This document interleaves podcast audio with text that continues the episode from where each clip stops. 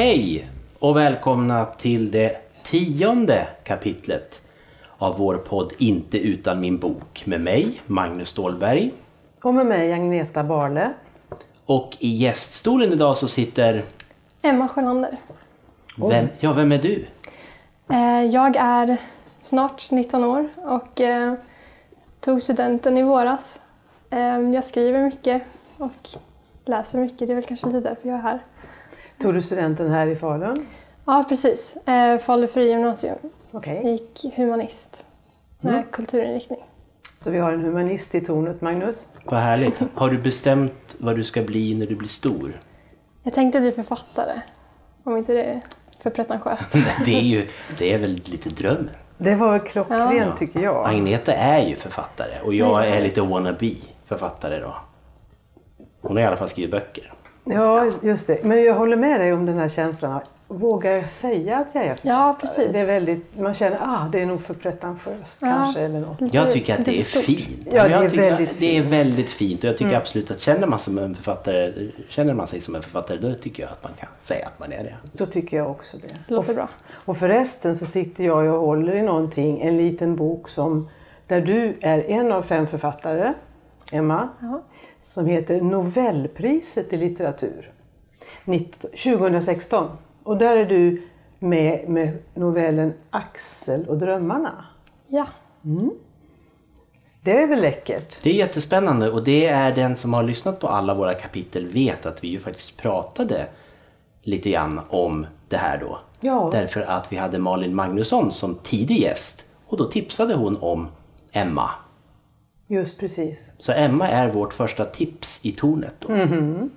Det hoppas vi blir en tradition. Vi har ju fått fler tips. Eller hur? Jajamän, så att alla ni som har blivit tipsade, ni blir säkert kontaktade av oss. Och sen vill jag också tillägga det att denna Emma som sitter här nu är inte den Emma som åker lång... Vad heter det? Skidor? Längdskidor. Längdskidor. Det är inte samma Emma. nej, det, det finns flera av oss. Mm, det tycker jag är bra. Precis, men som sagt när man googlade så var det, det var svår, lätt att hitta en skidåkare, det var svårare att hitta en författare Mm, så brukar som det hette. Emma Sjölander. Du, eh, vad betyder böcker för dig? Är det en för stor fråga att börja med? Oj, ehm, jag satt och tänkte lite på det förut idag. Att jag tror att jag, för att när jag var liten så hatade jag att läsa böcker. Ehm, men det var sen när jag upptäckte eh, Lasse-Maja och jag började läsa Lasse-Maja Saffrans mysteriet, kommer jag ihåg, när jag var kanske sju, åtta. Mm.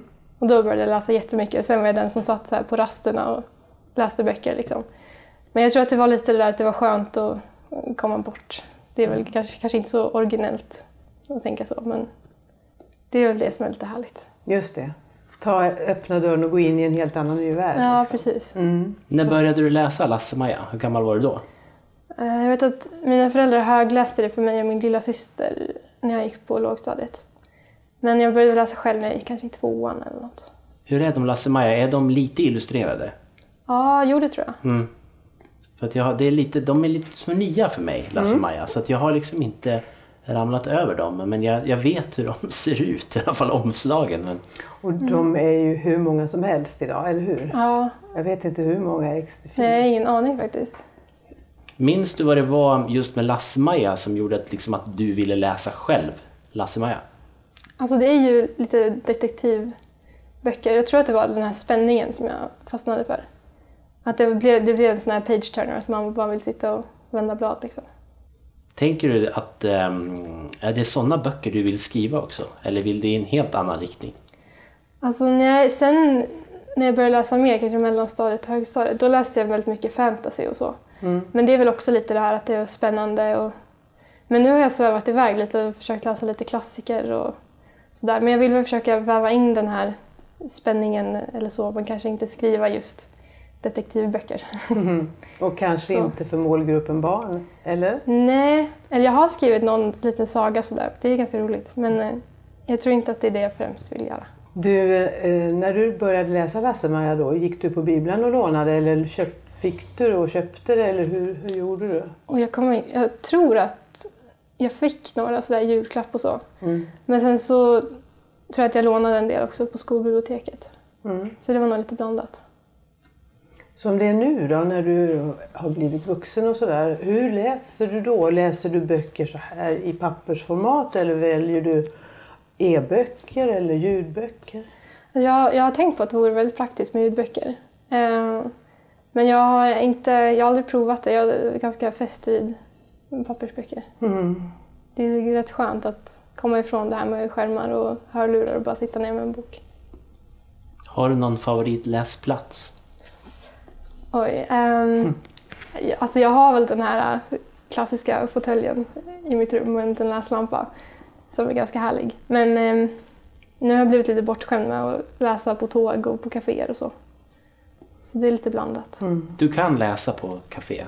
Sådär. Du blir inte Ja. störd av och nyfiken på alla som gör andra saker. Jo, lite. Lite vill man så här observera. Men om det är liksom ett jämnt sorl så går det bra.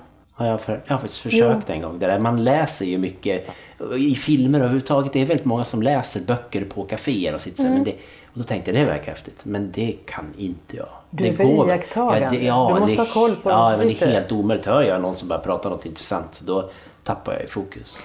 men jag tycker det verkar väldigt mysigt att ta en bok Mm. och sitta sådär och vara en del i något men vara i sin helt egen värld. Det tycker jag verkar häftigt. Men jag, jag kan inte gå in i den världen riktigt. Men jag var väldigt bra på det. Jag var mindre kunde jag. Det, det kunde jag faktiskt. Så att jag ofta och läste och, och folk pratade omkring mig. Men sen någonstans på vägen så kom min nyfikenhet in på ett annat sätt och tog över. För vissa tror jag har den förmågan just att när man väl läser då stängs liksom hörseln av på något sätt. Att, jag är gift med en sån person så att han, jag kan prata hur mycket som helst med honom utan att han hör vad vi håller på, eh, vad han, eftersom han, när han läser.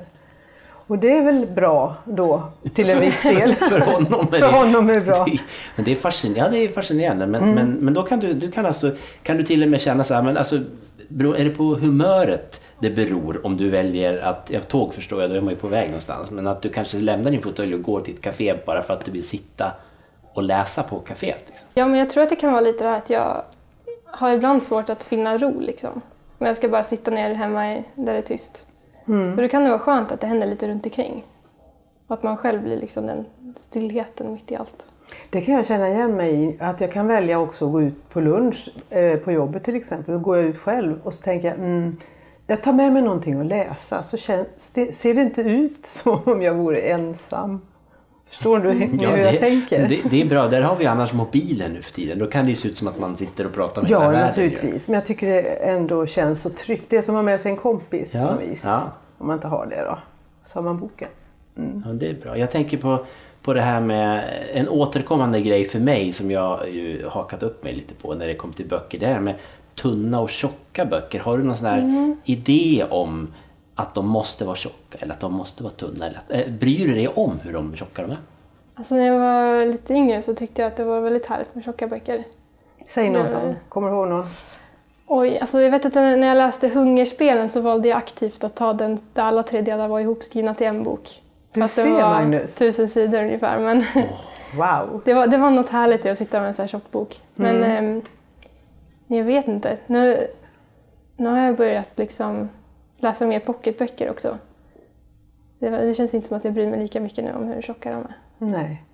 Det är så, jag är helt fascinerad. Mm. Just att man väl, jag tänker just då som hungerspelare, jättetjock. Och så, alltså det är ju så långt kvar. När man börjar Mm. då är det så väldigt långt till slutet. Om man läser dem som tre, det är tre va? Eller hur? Mm. Ja. Då är, har man ju liksom ett, då har man ju slutet tre gånger typ då i alla fall. Mm. Och det passar ju mig bättre. Men ja, fränt. Ja, men visst är det. Jag skulle ju vilja gå igång på tjocka böcker. Jag tycker det skulle vara kul. Jag Liksom. tycker vi ska träna dig i det. Ja, men då... Ja, Då vi hittar rätt bok för dig. ja, ja spännande. Men jag tror att det kan ha varit en lite så här prestigegrej också.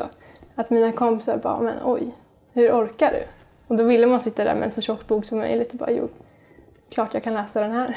Det tycker jag känns som ett bra, bra skäl för mig. Jag gillar liksom tävling så. så just det det. kan jag gå igång på. Det ska jag bara utmana någon om vem läser tjockast bok. Jag ska hitta någon som, där jag kan få liksom ha chansen i alla fall. Du kan ju se det som en maratonlöpning eller något. Ja, det kan jag Istället göra. för ett litet kortlopp. så. Ja, det är sant. En, en maratonläsning istället för en sprint. I och för sig, jag, jag kör någon slags medelläsning. Medeldistansläsning. Just det, gör det. Ja.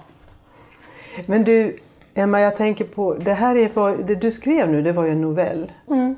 Är det någonting, läser du noveller någonting? Eh, ja, jag har läst ganska mycket av Tove Janssons noveller. Eh, de tycker jag är väldigt bra. Ja. Jag ska nästan inte säga någonting för då blir jag, det låter så färgat. Nej men det är så okej att du tycker om Tove Jansson. Ja. Det, det tycker jag är en, en del av... Bob Hansson och Tove Jansson och eh, Jonathan Tropper, de har ju vi liksom med oss i tornet här igen. Ja, de finns Ja. med här hela tiden. Det är bara så. Du har inte läst den Magnus. Du måste Nej. läsa Axel och Drömmarna. drömmarna. Jag böjde mig över bordet för att plocka upp den här lilla novell, novellpriset i litteraturboken. Och då kom det ju upp här, ser jag, för du har läst den. Mm. Det är, jag blir så nyfiken, jag hinner inte läsa den nu, men, men den heter alltså Axel och drömmarna och sen så står det då, är det, är det flera? Det är en novell bara? Nej, du har ah. fast och sen lite Ja, är, underkapitelrubriker. jag tror att det är fem kapitel. Ah, kul med kapitel i en novell, det gillar jag. Ja. Och första kapitlet heter Kakburken. Det kände jag ju direkt att jag måste ju läsa den här. Och föredöm, det här är bra med novellen, då är vi där igen. Föredömligt kort läsning. Och bra läsning tycker jag. En bra novell är ju häftigt. Ja, för då är det inte några onödiga ord i den. Nej, eller precis. Mm. Jag hoppas det i alla fall. Nej, det kändes inte så. Ska vi gå över lite grann på det här med, med vuxna böcker då? Mm. Har, du, har du någon favoritförfattare? Oj, ehm, jag tror att det var i våras som jag eh, råkade hitta en som heter Emma Jusslin. Eh, en finlandssvensk författare. Hon har bara tre böcker, Mm. vad jag har hittat. Och så tror jag att hon är med i någon, eh, någon samlingsbok på något vis, men den har inte jag läst. Ehm, men hon är riktigt bra. Ehm, men jag tror också att hon skriver lite så som jag vill skriva. Så det kanske är lite det också. Men annars tycker jag att det varierar väldigt mycket med tiden, vad man känner för. Mm.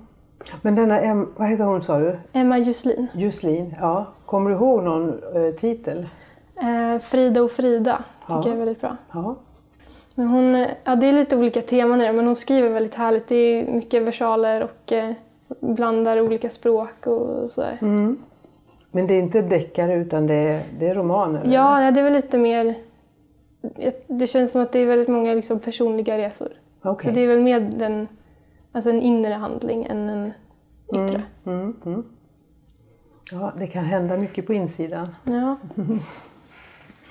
Jag satt, jag satt och tänkte på det, nu har vi pratat tjocka böcker och tunna böcker, men jag tänkte, hur... Är, är du en snabb läsare? Alltså kan du plöja igenom en bok på en dag om det kniper liksom, eller? Alltså ja, det kan jag. Men eh, jag, jag läser nog ganska långsamt. Jag är verkligen så här att jag har en inre röst som läser upp alla meningar. Men eh, istället så sitter jag väl flera timmar i sträck och läser när jag väl gör det. Ja, det, är, Så det är väl någon blandning. ja, det, är- ja, det är min, min, min inre röst gör ju att jag inte är så snabb. Jag har en sån långsam inre röst. Ja, jag tror jag är snabbare i verkligheten, men min inre röst är väldigt seg. Men det är, jag har sagt det förut, men jag är väldigt avundsjuk. Jag tycker det verkar häftigt att kunna liksom ta sig... Du är snabb Agneta, du kan I alla fall jag är ju en väldigt idog läsare. Ja. Jag läser ju oavbrutet så fort jag får en paus så att säga. Så fram med boken. Liksom. Det är nog det också. Ja. Det måste inte vara den ultimata tiden och platsen. Utan man, jag, jag tar mig de stunderna helt enkelt. Mm. Nu vet jag en grej. Läser du helst, spelar det någon roll om det är män eller kvinnor som, som skriver? Nej, förut var det inte det. Ehm, men eh, nu har jag väl börjat tänka lite mer aktivt på att jag gärna läser kvinnliga författare. Ja. Eh, för det är väl något vi har liksom pratat om i skolan också, att man har blivit mer medveten och märkt att det är väldigt mycket män i historien och nutiden. Men så så att jag försöker väl läsa lite, eh, alltså om jag ska läsa en klassiker så läser jag gärna av en kvinna Mm. och så. Det Men, tror jag eh, du är rätt i. Eller det är klokt Ja. att göra så. Det vidgar ju ens perspektiv mycket mer. Det är så lätt att bara hamna i en viss... Ja, att Mm. man väljer. Vi har en bokklubb privat och där, där har det varit ett aktivt val att vi väljer varannan bok nästan så. Mm. Man eller kvinna. Det är ett spännande kapitel just det där med... med eh, ja, när jag satt, både Agneta och vi har ju suttit i radio och, och pratat böcker och tipsat om böcker.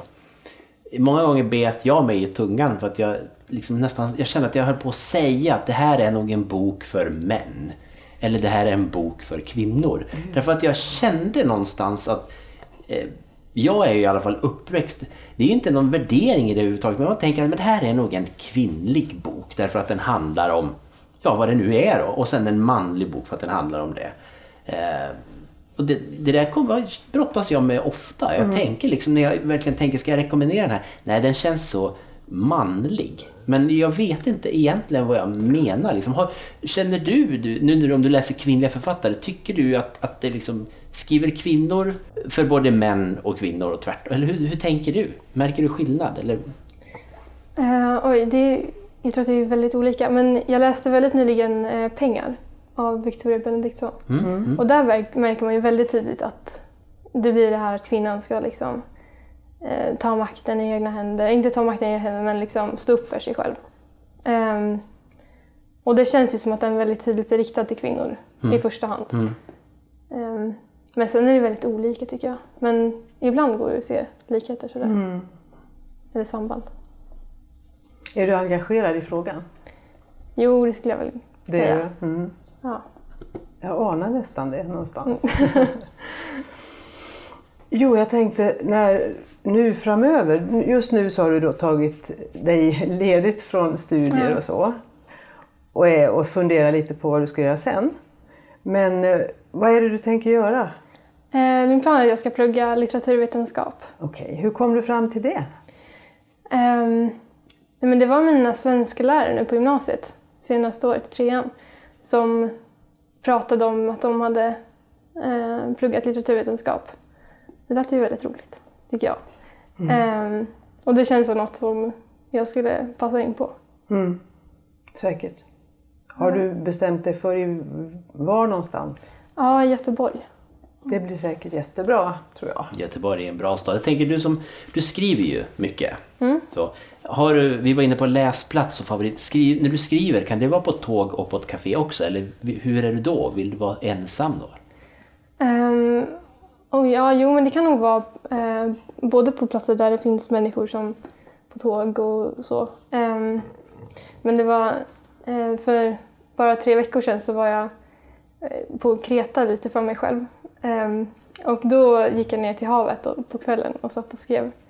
Mm, väldigt så här, idylliskt. Men, ja, så det, men det är ganska härligt att sitta utomhus själv. Det kan jag bara föreställa mig vad läckert det är. Ja.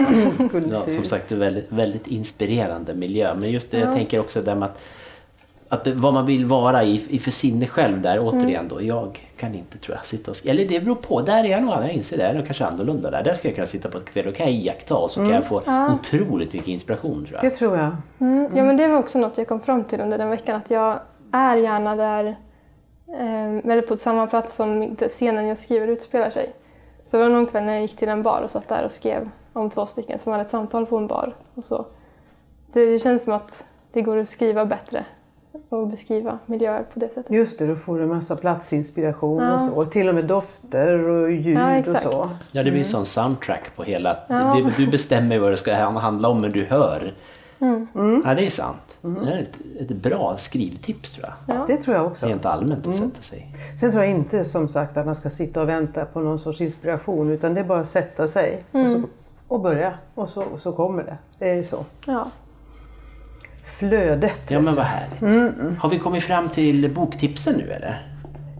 Eller Våra jag- boktips? ja, jag- Nej, men jag skulle vilja... boktips. Ja, allas boktips. Ja. Ja. men det kan vi göra. Ja. Det tycker jag. Det var så jag tänkte. Och då tycker jag att vi kan börja med Emma som har en lila... Den ser ganska lila ut. ja, Den är vacker. jag tror att, ja, den är väldigt Blå, fin. rosa. Och den är väldigt tunn, kan jag Ja. säga då. Det är den. Ja. Det är eh, en bok som heter Kärleksbrevet av Anna Axfors. ehm, som är prosalyrik.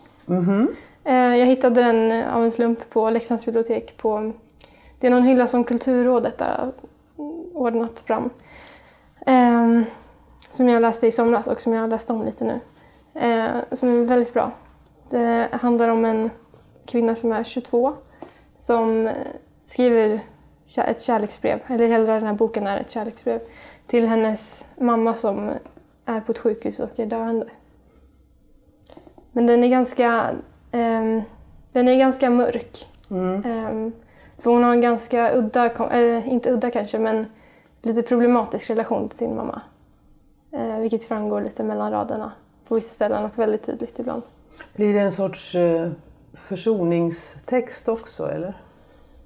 Mm, Ja, inte riktigt. Eller hon... Jag tror att det är mer att hon kommer, eller gör en resa inom sig själv än i relationen till sin mamma. Men det är som att, för bok, eller det, det är verkligen skrivet till mamman som att, som i, att mamman är ett du. du.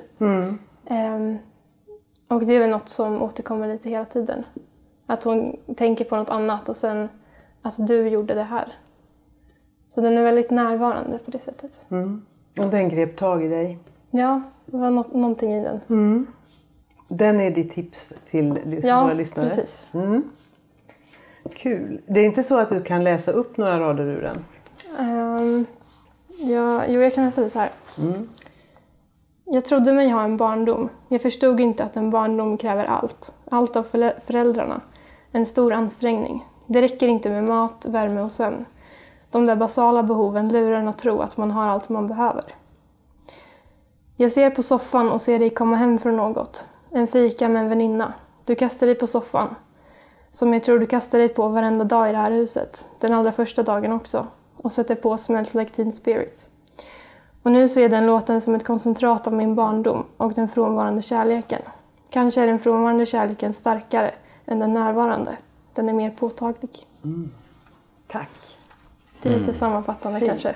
Ja, vad alltså det är ju jättespännande tycker jag med, med alltså, en ny generation. Det är nya, nya melodier. Nu är det liksom Nirvana, Smells Like Teen Spirit, men det är fortfarande samma problematik. Exakt. Nya föräldrar, nya barn, sådana relationer. Och, och det är bara att vi byter musik. Typ. Det, det, Lite så. det verkar svårt att liksom få till det. Det men- är svårt. Ja. Men det är underbart när människor kan sätta ord på det, tycker jag. Ja, det är ju... Vad, vad, från allra första början, så att säga, såg den i hyllan eller hade du liksom... Ja, alltså det var ingen som tipsade om den. Jag tror jag måste bara ha råkat plocka fram den. Jag tror att det var de här fina lila färgerna som fångade mig lite. Läste du baksidestexten sen? Var det så förresten på den ens? Eh, ja, det är en liten här. Ja. Ehm, jag kommer inte ihåg. Jag har kommit fram till lite att jag inte tycker så mycket om texten på baksidan. Då är ni två. Vi är två. Jag har ju aldrig läst det, det har jag säkert gjort, men i princip aldrig i alla fall, därför att jag tycker det förstör. Det var det. Ja. Jag hade nästan en känsla när man såg boken att det, det här är en sån som... Och det är ju tufft med ett sånt omslag och en så pass tung, eller så pass tungt, men ändå ett, ett ämne som kanske inte är jättelättsamt att, att ta sig an naturligtvis då, men att man eh, ändå säljer in den boken med en sån... Det är ett rätt så häftigt omslag. Ja. Den är inte svart kan man säga på utsidan Nej. på något sätt. Inte Den är alls. lite glansig och spräcklig och... Ja, den ser ju liksom lite glad ut nästan. Ja. Jag känner till och med en man som tar av omslagspappret på böckerna för att slippa Ah. bli störd av, av baksidestexten bland annat. Ja, det tycker jag låter som en bra idé. Många gånger. Sen blir de så lika varandra alla böcker då bara. Ja, De får bara olika färg i bästa fall. Men, men, men vad, vad intressant. Men är hela boken hennes brev eller? Ja, alltså det är väl lite som kapitel. Ja. Men ehm, ja, den, den är ett brev ändå. Mm. Ja, man kan ju ana sätt. när hon skriver till sin, till sin mamma och inte eh, kanske i komprimerad form säger något till henne så kan man kanske Mm. ana i alla fall. Så här. Utifrån att hon att det inte är som du säger, någon riktigt okomplicerad relation i alla fall. Ja, jo precis. Och hon Tack, hette Emma. alltså Anna Axfors. Axfors och Kärleksbrevet. Ja. Yes. Ska vi ta lite andra boktips? Ja, kanske att du har du en tjockare bok än jag? För jag har en ganska tunn bok. Jo men naturligtvis. Ja. Den är inte särskilt tjock. Den, vad kan den vara? Den kan vara på 240 sidor kanske? Mm, men vi är ändå under 300 där. Ja då. Ja, Och den heter Brandvakten av Sven-Olof Karlsson. Och den är alldeles nykommen. Den kom ut för bara någon månad sedan. Kommer ni ihåg sommaren 2014? När det var en gigantisk brand i Salatrakten. jag minns, Eller det, utanför, ja, I Västmanland utanför Norberg rättare sagt. jag minns det väldigt väl för då satt jag ute med en kollega och fikade här på Mm. gamla brandstation. Där vi ju sitter i tornet. Och eh, plötsligt så blev det ju alldeles mörkt fast det var, jätte, det var så oerhört varmt. Det var ju sommarens varmaste dag. Men plötsligt blev det helt svart bara. Ja, exakt. Och så såg vi att oj, det kommer nog något moln och då sprang vi faktiskt upp i tornet där vi sitter nu och upp ut på balkongen. Så jag fotade lite när rökmolnet kom in över stan. Ja. Det var en Då blå är, Ja. då är ju vi ändå, vad kan vi ha varit, en 6-7 mil Ja, därifrån. vi är nog ännu längre för det är typ Sala. Det är Ja. nog uppåt en 10 Ja, skulle jag kunna tänka ja. mig. Om det räcker. Men 10 plus i alla fall. Men du anade den där hotfulla stämningen som, som ändå, må, eller himlen... Ja, vi fick, ju, vi fick ju lite av det, men jättemycket ändå. För det som hände var ju att det kom ju ner barr och allting. Alltså det blev ju också några sådana vindar då, så det var ju som jordens undergångskänsla faktiskt. Jag vet, jag gick ner på stan då. Och det är verkligen, alla bilar och sånt blev ju alldeles svarta och fönster. Folk fick ju åka och tvätta sina bilar ordentligt för att det var ju aska, det skulle ju förstöra annars. ja. Och vi var ändå långt ifrån. Som du säger. Ja, och det här är precis mitt i stormens öga kan man säga. För den här killen Sven-Olof Karlsson som är en mycket bra författare tycker jag. Han har skrivit flera böcker, bland annat en som heter Västmanland. Och det låter väl inte sådär jättesexigt men den är otroligt rolig och välskriven. Och någon som heter Italienaren tror jag. Ja, ni får leta efter honom för jag, jag tycker han är en riktigt bra författare. Men han, han, och han, han skriver om sitt föräldrahem i Nyhyttan alldeles vid Norberg. Och där bor han med sin familj så han har liksom ärvt gården. Och har en sån här kärleksfull relation till sin skog som finns alltid runt omkring honom. Va? Och det är utifrån den känslan som han skriver sen. Det blir mer som en reportagebok med också en hel del fotografier. Och där han beskriver den här lilla maskinföraren alldeles ensam ute i skogen där i, i den här varma, torra, konstiga sommarluften som det handlar om. Och där han upptäcker plötsligt att en gnista från maskinen har tänt skog, alltså några buskar. Så han rusar ut, tar fram sin brandsläckare och försöker släcka själv. Och det går absolut inte, utan tvärtom. Det är, elden bara ökar. Han slår 112, han får veta att det kommer brand, ska komma brandbilar, men de kommer liksom inte. För de har fått fel koordinater. De kommer fel helt enkelt, så de förlorar massor med tid. Och elden den bara växer och växer. Så det är en otroligt spännande bok samtidigt. Och och han, han visar det ur så många vinklar och det är väldigt mycket privata livsöden. Och just denna kärlek till skogen som alla delar på ett eller annat sätt. Och hur den plötsligt bara inte finns längre.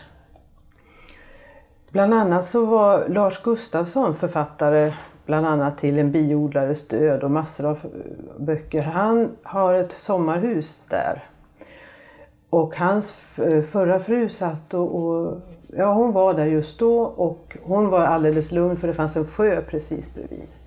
Men den här branden den liksom hoppade över sjöar. Den betedde sig inte alls som, som man trodde att det skulle göra. Så det här är en bok kan jag säga, om, om landsbygden. Den handlar om ekonomiska nedskärningar, om nedrustad räddningstjänst. För det har vi ju läst om hur mycket som helst, om att nu finns det snart inga frivilliga brandmän kvar till exempel. Så det handlar om modernt skogsbruk och, och stora frågor om klimatförändringar. Men det är en väldigt läsvärd och viktig bok. Den rekommenderar jag verkligen.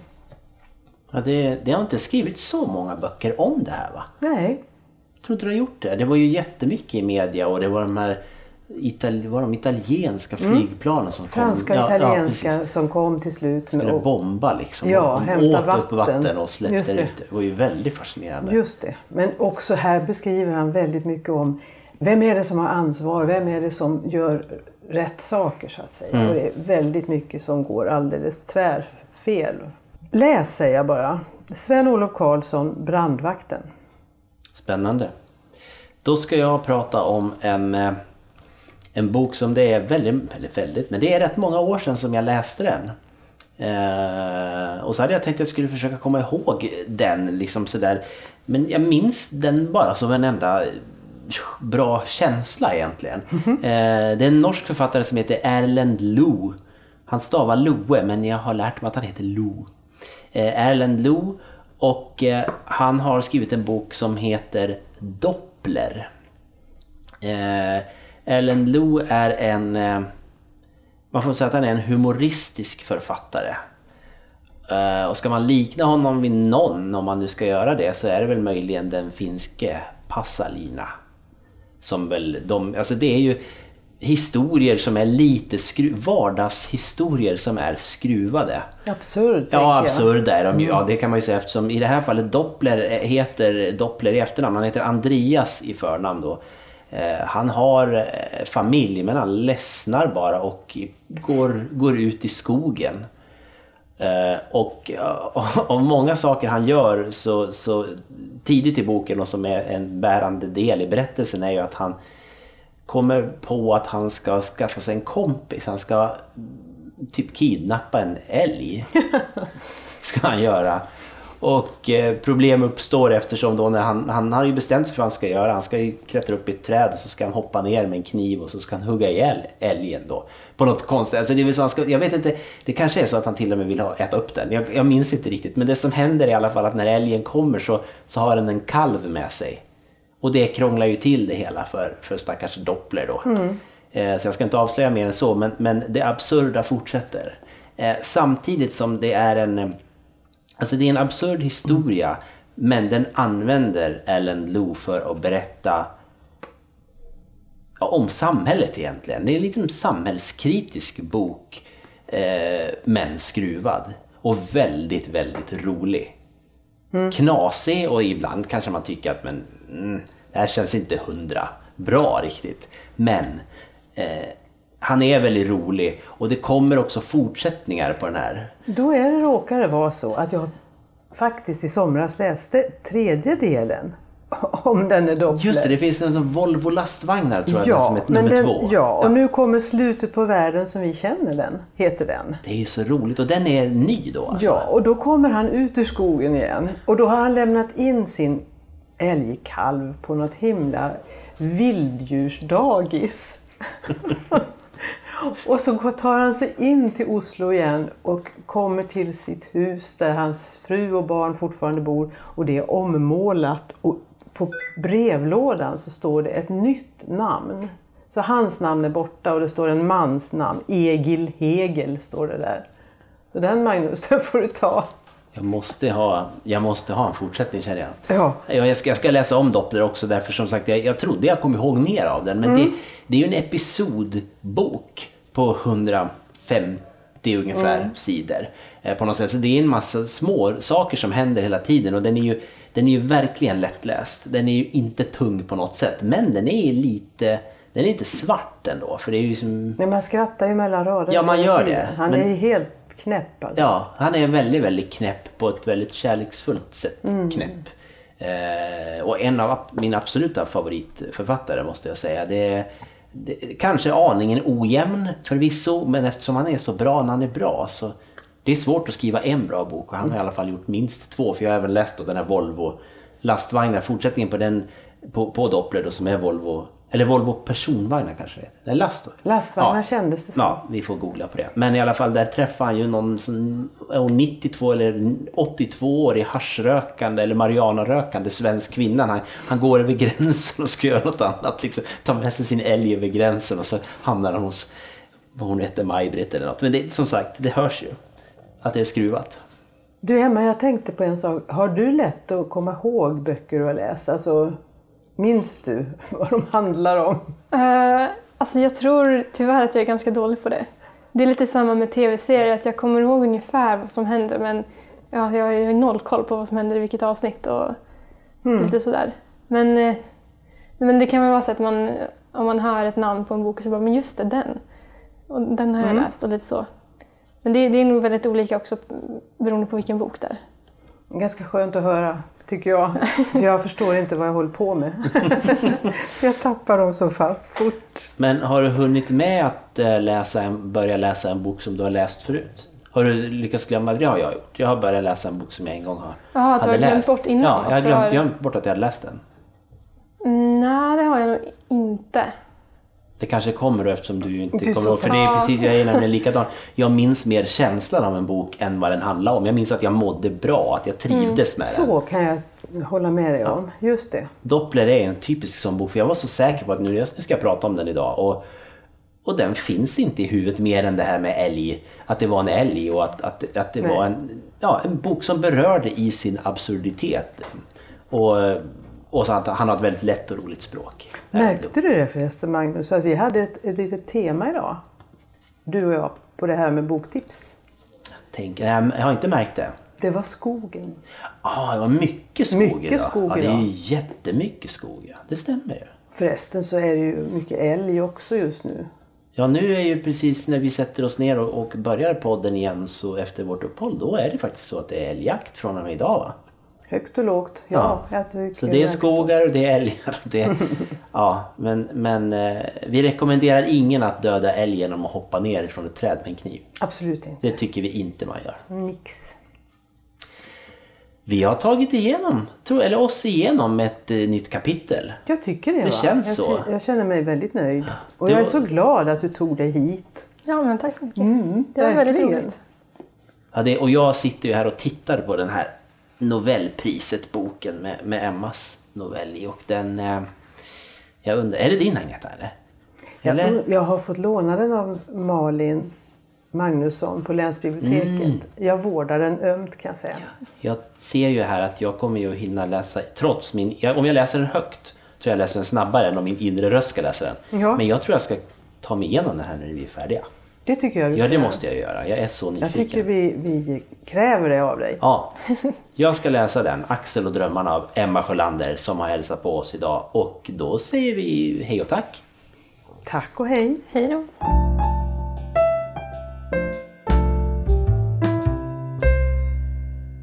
Du har lyssnat på ett avsnitt av podden Inte utan min bok som produceras av Magnus Stålberg och Agneta Barle. Mer information om avsnitten hittar du på skrattpiller.se inte utan min bok. Vi finns också på Facebook där vi heter Inte utan min bok och på Twitter också. Även där heter vi Inte utan min bok. Tack för att du lyssnade!